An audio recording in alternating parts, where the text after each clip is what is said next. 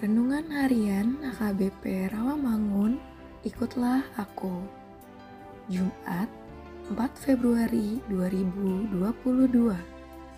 Doa yang mengubahkan. Bacaan kita pagi ini diambil dari kitab Kisah Para Rasul 26 ayat 4 sampai 20. Bacaan kita malam ini diambil dari kitab Yohanes 8 ayat 2 sampai 11.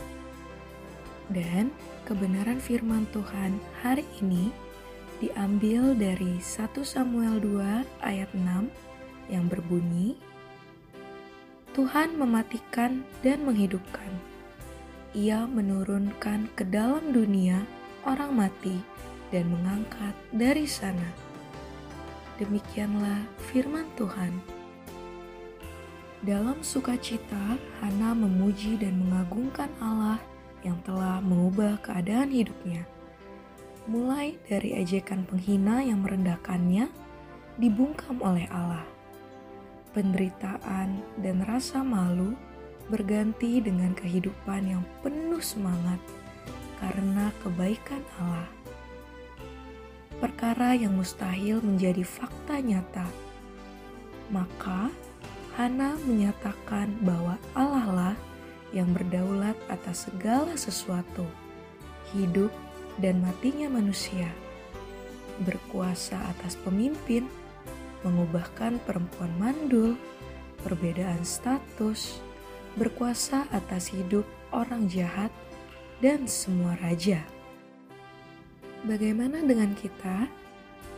Kita dapat belajar dari pengalaman Hana Mungkin kita mengalami masalah dalam hal keuangan, usaha yang bangkrut, sakit penyakit yang sulit disembuhkan, persoalan keluarga, kemandulan, anak yang bermasalah, jodoh, dan lain-lain.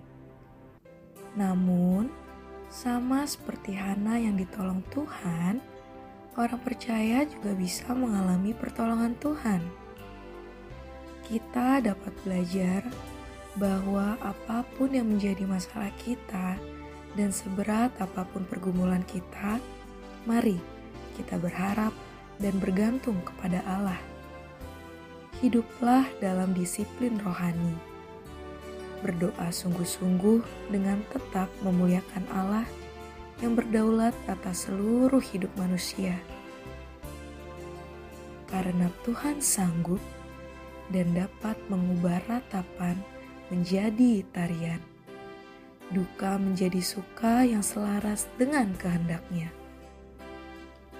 Saudara-saudari yang terkasih, marilah kita bersatu dalam doa.